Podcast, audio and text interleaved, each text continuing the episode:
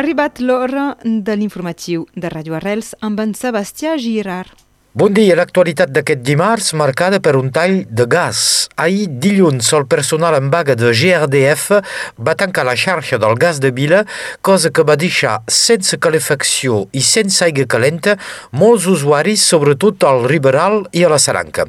El conflicte entre la direcció i els sindicats dura des de fa setmanes i concerneix la revalorització dels salaris.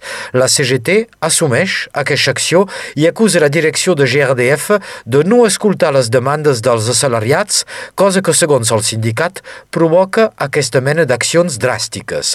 La direcció de GRDF ha anunciat que portaria l'afer als tribunals amb una queixa en contra dels vaguistes que han tallat la xarxa de gas en diversos punts. La carretera nacional 116 serà tallada per culpa dels cinglars. Una acció de regulació conjunta entre els poders públics i els caçaires tindrà lloc a diversos punts de la carretera durant la nit de dimecres a dijous. La 116 serà prohibida a la circulació de nit des de les 10 i mitja fins a les 4 del matí i hi haurà diverses desviacions als punts de tall. Segons la Federació dels Caçaires de Catalunya Nord, de mitjana 12.000 cinglars són matats cada any. La proliferació és cada cop més visible amb la presència dels animals fins i tot als centres urbans com recentment a Perpinyà i a Cabestany any. Les últimes obres de la pista ciclable entre Bages i Sant Cebrià ja han començat. El darrer tram ha estat estrenat amb la presència d'Hermeline Malherbe, presidenta del departament, i de Jean Roque, vicepresident encarregat de les mobilitats. Amb un cost total de 4 milions i mig, la nova via seguirà l'agulla de la mar des de Bages fins a Cornellà del Bercol, Tesà, Alenyà i Sant Cebrià. La construcció d'aquesta via va començar el 2019 i vol reforçar el desenvolupament turístic dels municipis que travessa. Catalunya del Nord és el quart departament de la regió Occitanie en quant a les pistes ciclables, amb 475 quilòmetres actualment i un augment de 22% comparat al 2017. Tot plegat queda molt treball per endavant, ja que només hi ha un metre de pista ciclable per cada habitant de Catalunya Nord. A Catalunya Sud, la crisi colpeja durament els productors de llet.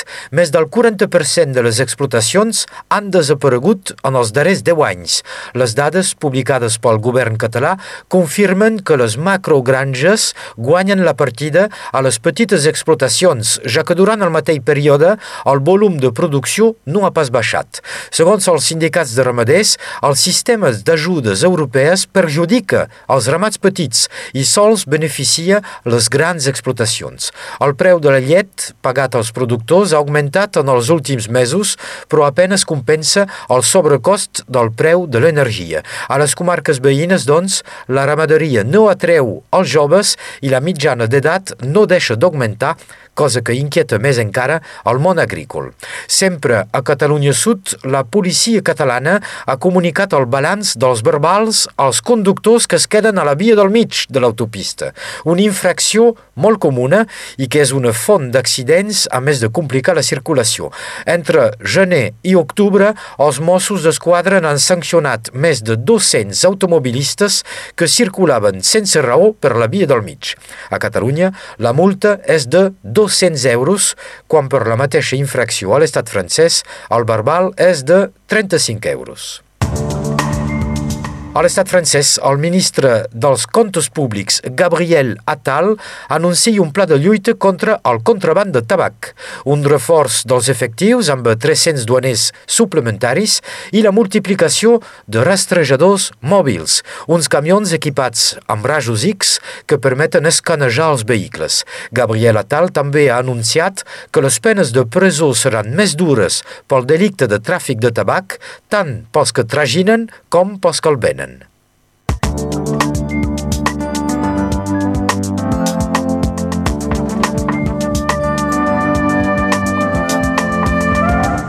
Moltes gràcies, Sebastià. Passem ara a l'informació del temps amb Meritxell Cristòfol.